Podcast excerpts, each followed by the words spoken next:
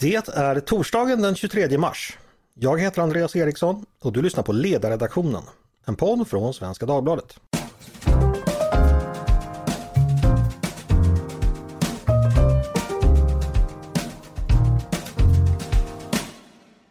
Varmt välkomna till Ledarredaktionen igen. Idag ska vi diskutera ett nytt förslag från EU-kommissionen som har blivit ganska omdiskuterat redan. Det kallas Chat Control i media, ni har kanske hört talas om det. I mer officiella sammanhang heter det Europaparlamentets och rådets förordning om fastställande av regler för att förebygga och bekämpa sexuella övergrepp mot barn. Bakom den något omständliga titeln döljer sig ett förslag som ska, som det heter, upprätta en tydlig och harmoniserad rättslig ram för att förebygga och bekämpa sexuella övergrepp mot barn på nätet. Förslaget handlar om att införa en skyldighet för leverantörer att spåra, rapportera, blockera och avlägsna material med sexuella övergrepp mot barn. Och med leverantörer menas då eh, de som erbjuder interpersonella elektroniska kommunikationstjänster. Eh, men i debatten har allt det här komplicerade reducerats till chat control. Förslaget har fått kritik. På vår egen sida har Henrik Alexandersson skrivit att det handlar om en citat uppenbar inskränkning av våra grundläggande fri och rättigheter. Ett så grovt intrång gör man bara i diktaturer, skrev eh, debattören Emanuel Karlsten i GP i veckan. Och i DN skrev Linus Larsson att klart är att EU klampar ut på ostadig mark.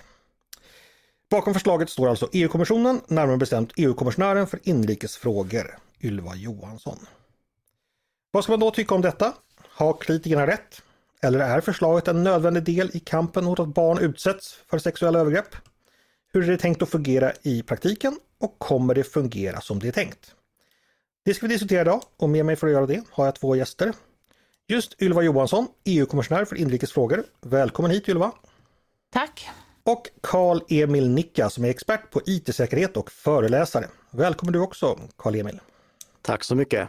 Eh, jag ska börja med dig Ylva. Kan du så kort och enkelt det går berätta vad det här förslaget handlar om? Vad är det kommissionen vill? Eh, sexuella övergrepp på barn är tyvärr ett väldigt vanligt eh, förekommande brott och det är otroligt grovt. Eh, för att komma åt förövarna så är det många olika saker man bör göra och för att rädda barnen. Om jag ska försöka hålla mig kort så det här förslaget som vi nu handlar om handlar bara om eh, online-komponenten kan man säga. Sen finns det ju många andra förslag vi har som handlar om andra delar i att skydda barnen och att eh, komma åt förövarna. Mm. Eh, internetföretagen, det mesta, när, när förövare delar bilder och videos på eh, pågående eller på sexuella övergrepp, sexuellt våld mot barn, eh, så gör man ju nästan aldrig det publikt, utan det vanligaste är att man gör det i eh, i personlig kommunikation, alltså direkt till eh, andra. Man gör det också ibland i chattar eh, eller i vissa, i vissa forum. Men det är ju mm. sällan publikt eftersom det här är kriminellt eh, material. Mm. Och eh, då har eh, de alla, nästan alla stora eh, internetföretag har detekterat och skannat den här kommunikationen eh, i tio års tid. Eh, och då genererar det, när de hittar material, eh, det kan vara groomingförsök och det kan vara videor och bilder på antingen eh, ny, så kallat nyproducerat material, det vill säga pågående övergrepp, eller sånt som är äldre material som redan är känt material, som redan är klassat. Då rapporterar de det till en organisation i USA som heter NECMEC.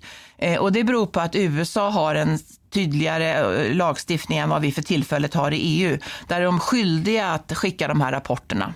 Därifrån får vi de rapporterna till oss i EU. Förra året fick vi en och en halv miljon rapporter innehållande eh, 5,2 miljoner video, bilder och groomingförsök.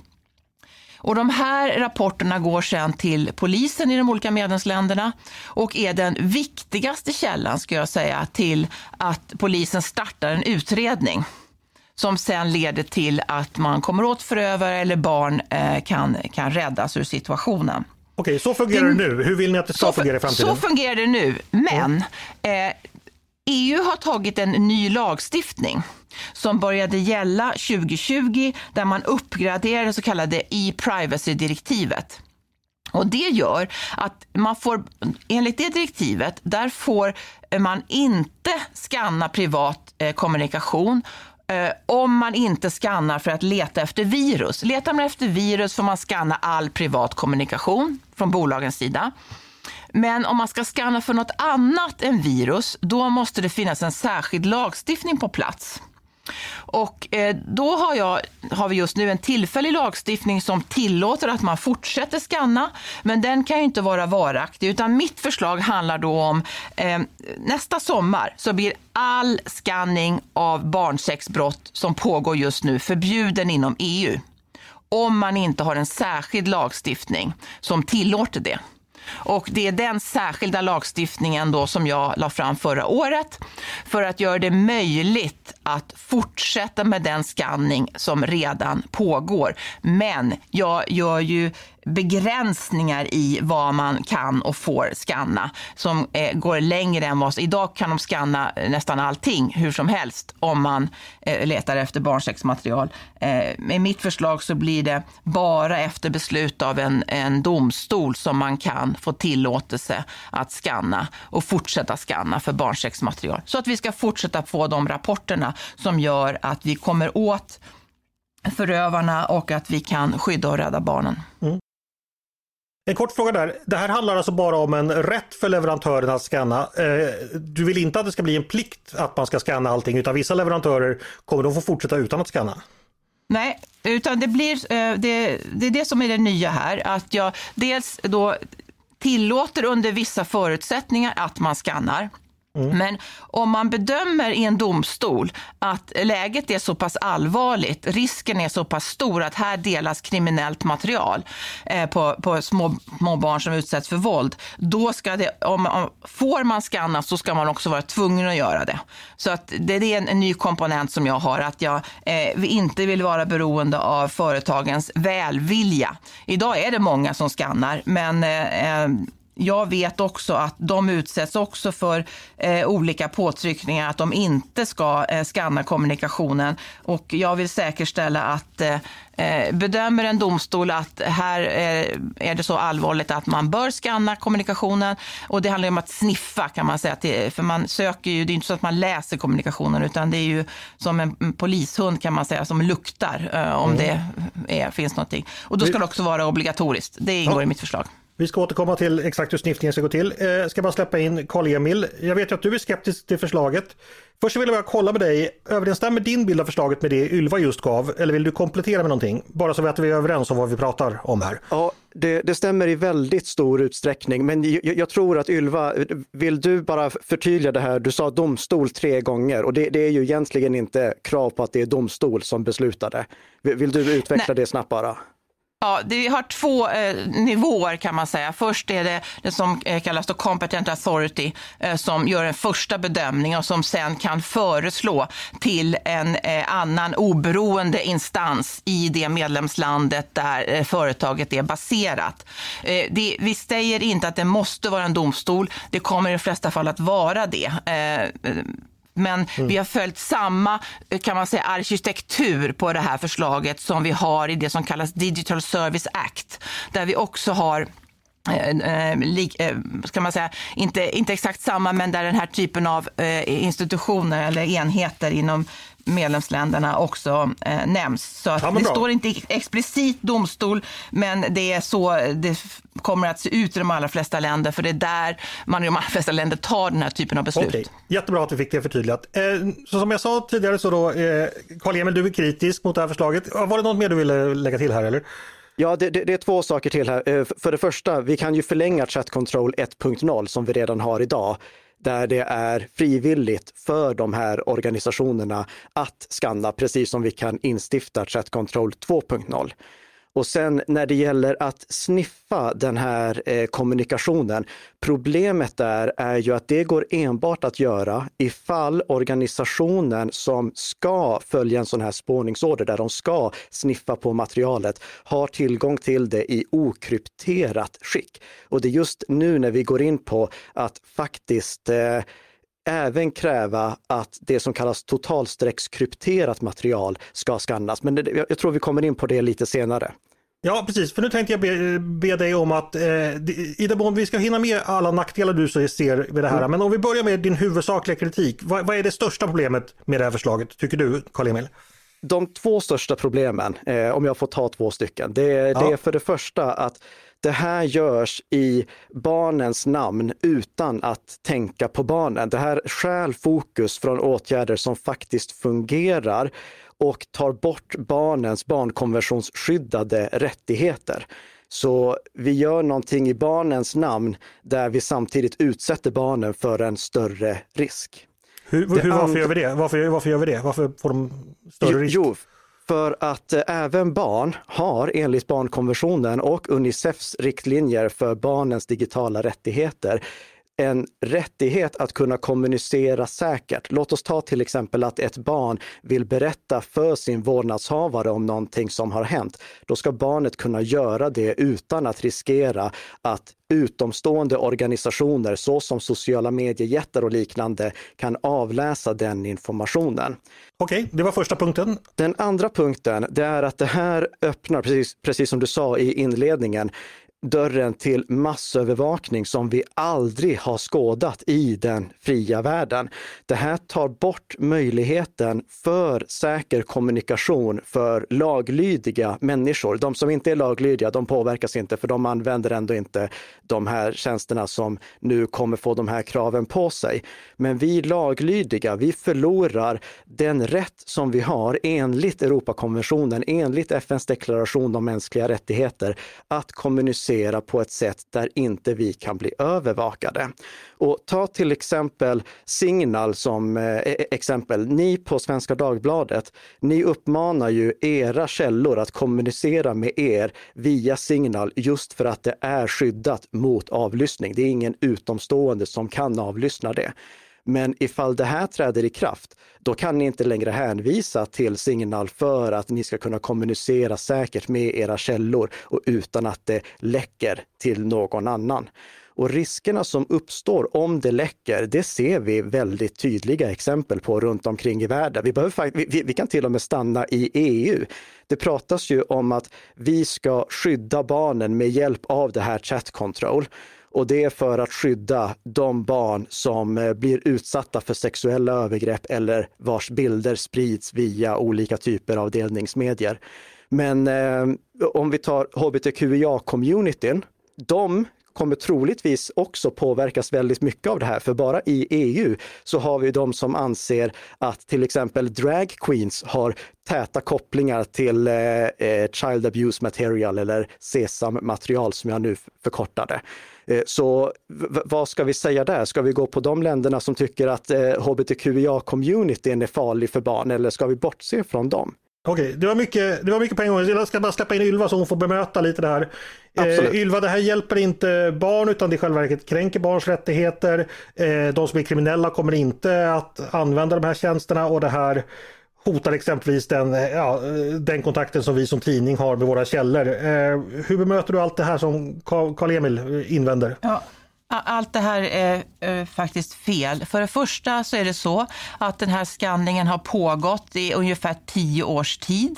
Eh, och eh, det är otroligt få fall eh, där någon har felaktigt blivit rapporterad när man har tagit kontakt med sin vårdnadshavare eller med någon annan. Det är naturligtvis sker en kontroll. Jag för in en extra kontrollåtgärd ifall någon skulle dela barnsexmaterial som ju är väldigt skarpt definierat, ska vi komma ihåg. Det är inte nakenbilder vi pratar om. Vi pratar om sexuella övergrepp på barn. Eh, och, eh, och det sker eh, i princip inte idag en sån felrapportering, i alla fall till väldigt, väldigt liten omfattning. Så där är ju ingenting nytt i det jag föreslår. Jag föreslår bara att det ska få fortsätta. Och många av de här tjänsterna, ett av de företag som det får flest rapporter ifrån, det är ju från, alltså från Messenger, från Facebook. och där är ju väldigt många som hela tiden naturligtvis använder den tjänsten. Och det är ju inte så att man rapporterar någonting annat än det faktiskt är sexuella övergrepp på barn.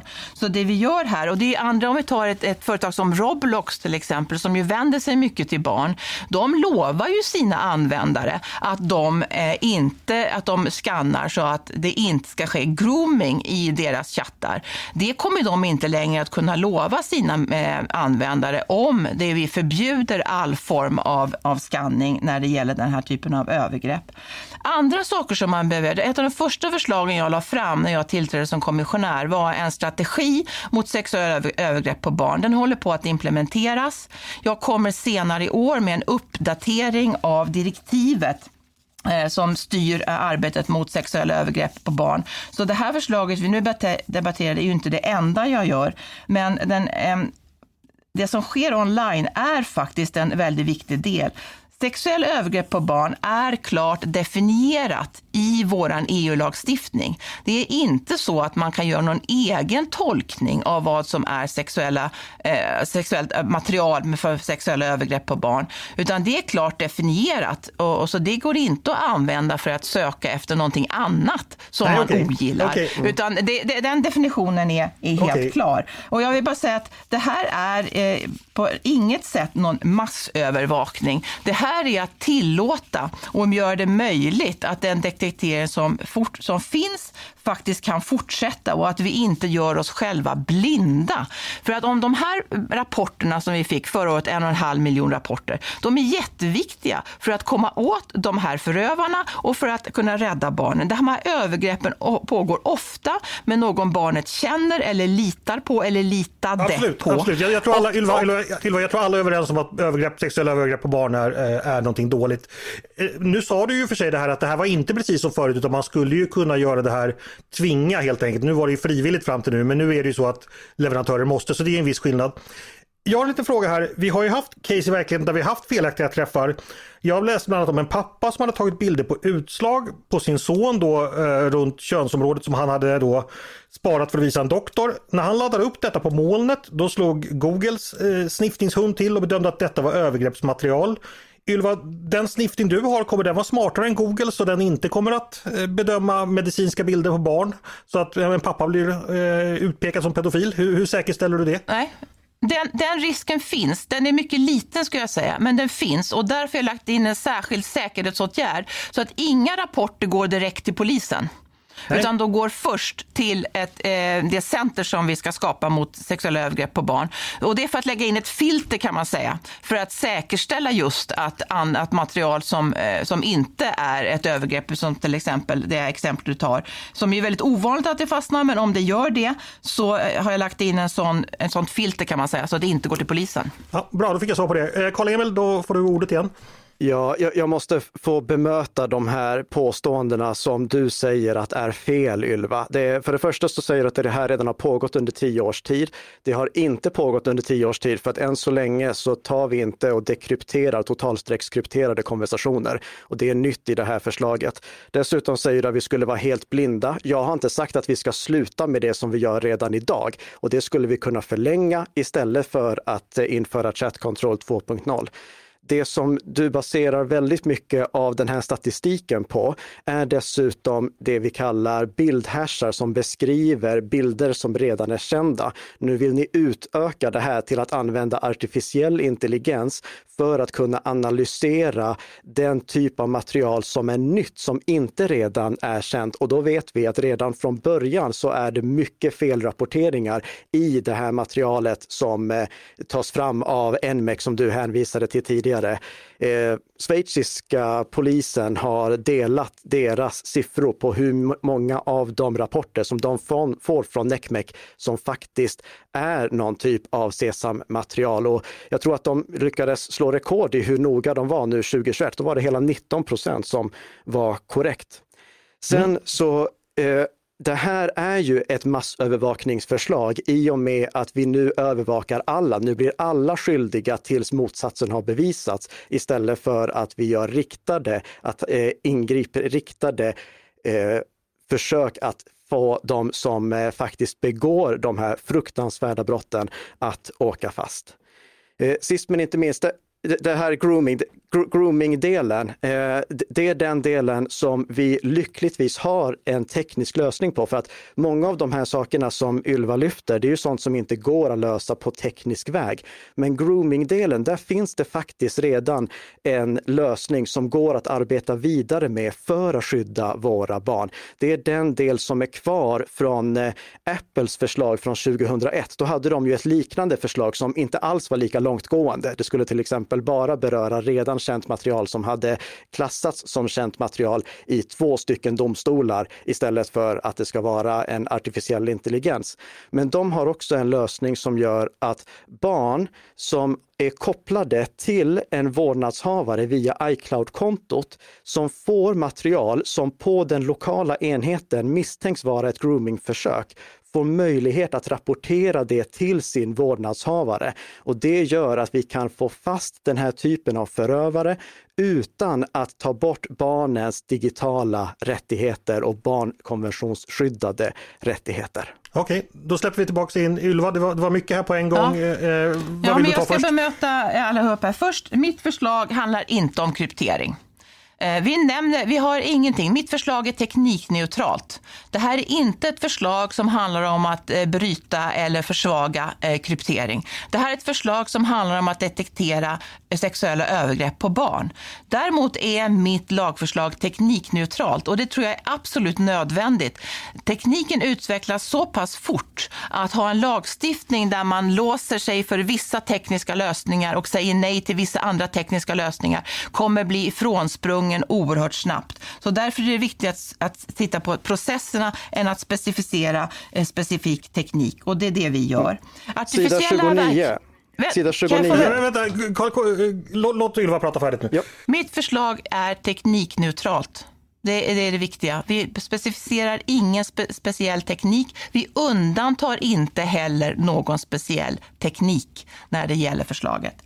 Artificiella, eh, artificiella intelligensverktyg används ju redan idag till, eh, till stor utsträckning just när det gäller både när det gäller grooming och när det gäller nyproducerat material. Jag skulle säga att framförallt när det gäller nyproducerat material har de en, en hög relevans idag och det utvecklas ganska fort den här tekniken. Men det är klart att vi har ju lagt in det i mitt förslag också särskilda säkerhetsgarantier här att man, bolagen bara får använda sån teknik som är godkänd av det centret som vi sätter upp så att vi inte öppnar för att man kan använda vilken teknik som helst. Men vi definierar inte eh, tekniken i själva lagförslaget. Det är inte sant att alla blir skyldiga att detektera. Det alla bolag blir skyldiga att göra, det är att göra en riskbedömning om det finns en risk att deras tjänster kommer att användas för att sprida eh, sexuella övergrepp på barn. Om det finns en sådan risk och den bedöms ganska stor, då måste företaget vidta olika åtgärder för att minska den risken.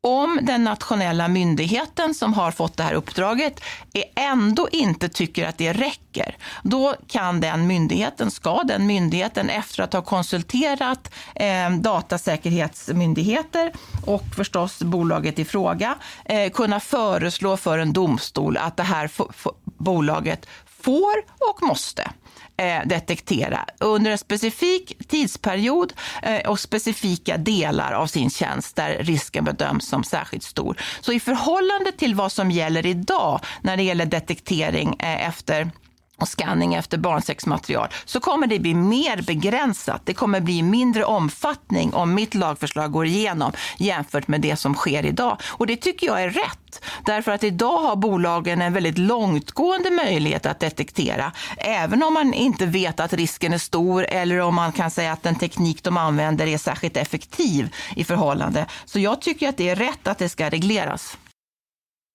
Eh, får jag bara fråga dig en sak Ylva? Om det är så, kommer, jag kunna, kommer du och jag kunna ha kontakt i framtiden om du exempelvis känner att du vill ha visselblåsare på EU-kommissionen och höra av Svenska Dagbladet med, med, under källskydd. Kommer du och jag kunna ha krypterad kontakt som myndigheterna inte kommer läsa i framtiden, även med det här förslaget? Ja, det är, det är självklart. Men om det är så, kommer inte då alla pedofiler använda samma krypterade kontakt och då vad är i så fall vunnet? Nej men grejen är att eh, det enda, det enda som, som, det som är sexuellt Sexuella övergrepp på barn, bilder på det, eh, är alltid kriminellt. Ja men de kommer väl ändå kunna, om du och jag om, kommer kunna kryptera vår kommunikation, då kommer väl pedofiler om, också kunna kommunicera, kryptera sin? Om man delar det materialet så kan det vara så att, man, eh, att det detekteras, det materialet. Men det är, Men är det inte, inte så att man kan läsa, det är inte så att man kan läsa någons kommunikation. Och det finns tekniker att detektera utan att bryta krypteringen. Jag tror det är väldigt viktigt att vi försvarar möjligheten och rätten till eh, krypterad kommunikation. Men jag, det betyder inte att man ska säga att så länge du använder krypterad kommunikation så gör vi inga åtgärder för att komma åt sexuella övergrepp Okej, på barn. Jag är en teknisk idiot Ylva. Jag förstår det så här att ifall du skickar bilder på dokument till mig krypterat så kommer myndigheterna inte kunna läsa. Fast om pedofiler skickar övergreppsbilder eh, till varandra så kommer myndigheter att eh, kunna läsa för att det här kommer kunna lösas tekniskt. Så begriper okay. jag det. Förstod jag det, förstod jag det rätt? Nej, det gjorde du inte. Utan om du kan göra en jämförelse, eftersom krypterad kommunikation idag skannas ju av bolagen. Eh, de skannar all kommunikation eh, för att de letar efter virus. Så om du på signal vill skicka mig en länk till en intressant eh, Svenska Dagbladet-artikel och när du börjar skriva adressen till artikeln så kommer det upp en bild på artikeln. Därför att de skannar den för att ta mm. reda på att du oh, inte skickar virus till mig. Men, men det, betyder in, det betyder inte att kommunikationen inte är krypterad. Okej, okay, man kan se bilden men den är inte krypterad. Eh, Karl-Emil, vill du komma in här? Ja, nej men alltså det, det, är ju inte ens så Signal fungerar. Det, Signal fungerar på så sätt att om du får en förhandsbild, då är det för att din Signal-klient från din enhet tar en bild av webbplatsen och lägger med den i det här eh, eh meddelandet som skickas. Signal har ingen åtkomst till den här informationen.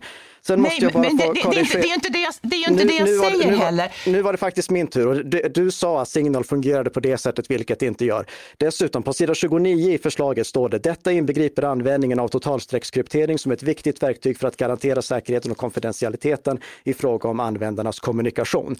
Du säger också att det, det, kommer vara säkerhetsgarantier för att den här informationen inte missbrukas. Men om informationen dekrypteras, då kan den missbrukas. Och vi lever i ett globalt samhälle där om vi öppnar dörren och låter faktiskt de här organisationerna som tidigare har varit så duktiga på att faktiskt skydda vår information för att de vet att information kan läcka om de har tillgång till den. Om vi kräver att de gör det, då kommer det sen också att användas för andra sammanhang. Och ja, eh, just det här med eh, att eh, det, det inte krav på alla, organis- alla sådana här meddelandetjänster att göra det.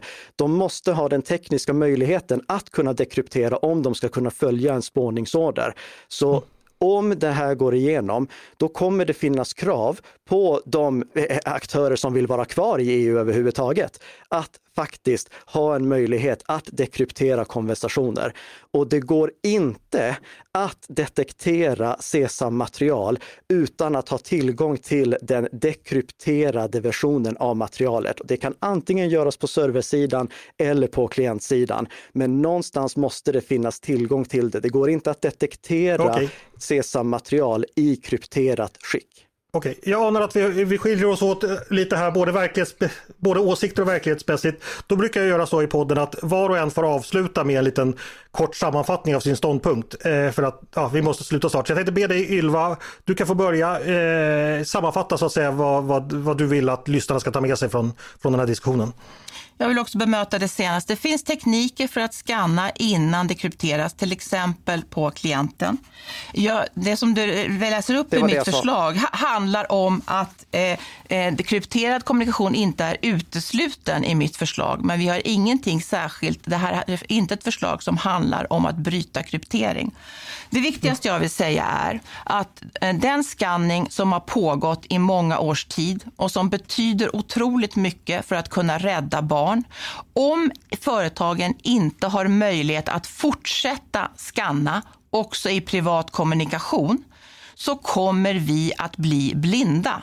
Därför är det viktigt med en lagstiftning som tillåter att den Eh, detektering, scanning som pågår idag och som är otroligt viktigt verktyg för polisen i utredningar kan fortsätta. Mm. Och Karl-Emil, på motsvarande sätt får du sammanfatta det du tycker att lyssnarna ska ta med sig från den här diskussionen. Ja, det, det, viktiga är att vi lyssnar på till exempel FNs råd om mänskliga rättigheter som i augusti 2022 varnade för konsekvenserna som uppstår av klientsideskanning och att vi inte låter sådana här förslag ta fokus från det som faktiskt behöver göras för att skydda våra barn i den digitala vardagen. Jag sträckte ut en hand till svenska Ecpat som jobbar jättebra med att försöka skydda barn och sa åt dem att om ni vill så hjälper jag er kostnadsfritt att ta fram underlag för tekniska lösningar som inte bara fungerar, utan fungerar utan att ta bort mänskliga rättigheter och barnkonventionsskyddade rättigheter. Jag har lagt två stycken heldagar hittills på att prata med dem och jag sträcker också ut min hand till dig Ylva. Jag tar jättegärna och diskuterar fler förslag för hur vi kan komma till bukt med den här problematiken utan att äventyra barnens trygghet och säkerhet i den digitala vardagen. Okej, då avslutades det med en utsträckt hand i alla fall. Eh, stort tack Ylva Johansson, EU-kommissionär och Karl-Emil Nicka, eh, IT-säkerhetsexpert och föreläsare för att ni kom och pratade med mig idag. Och stort tack också till er som har lyssnat på Ledarredaktionen, en podd från Svenska Dagbladet. Ni är varmt välkomna att höra av er till redaktionen med tankar och synpunkter på det vi precis har diskuterat. Eller om det är så att ni har idéer och förslag på det vi ska ta upp i framtiden. Då är det bara att mejla till ledarsidan snabel svd.se. Dagens producent, han heter som vanligt Jesper Sandström. Jag heter som vanligt Andreas Eriksson och jag hoppas som vanligt att vi hörs snart igen.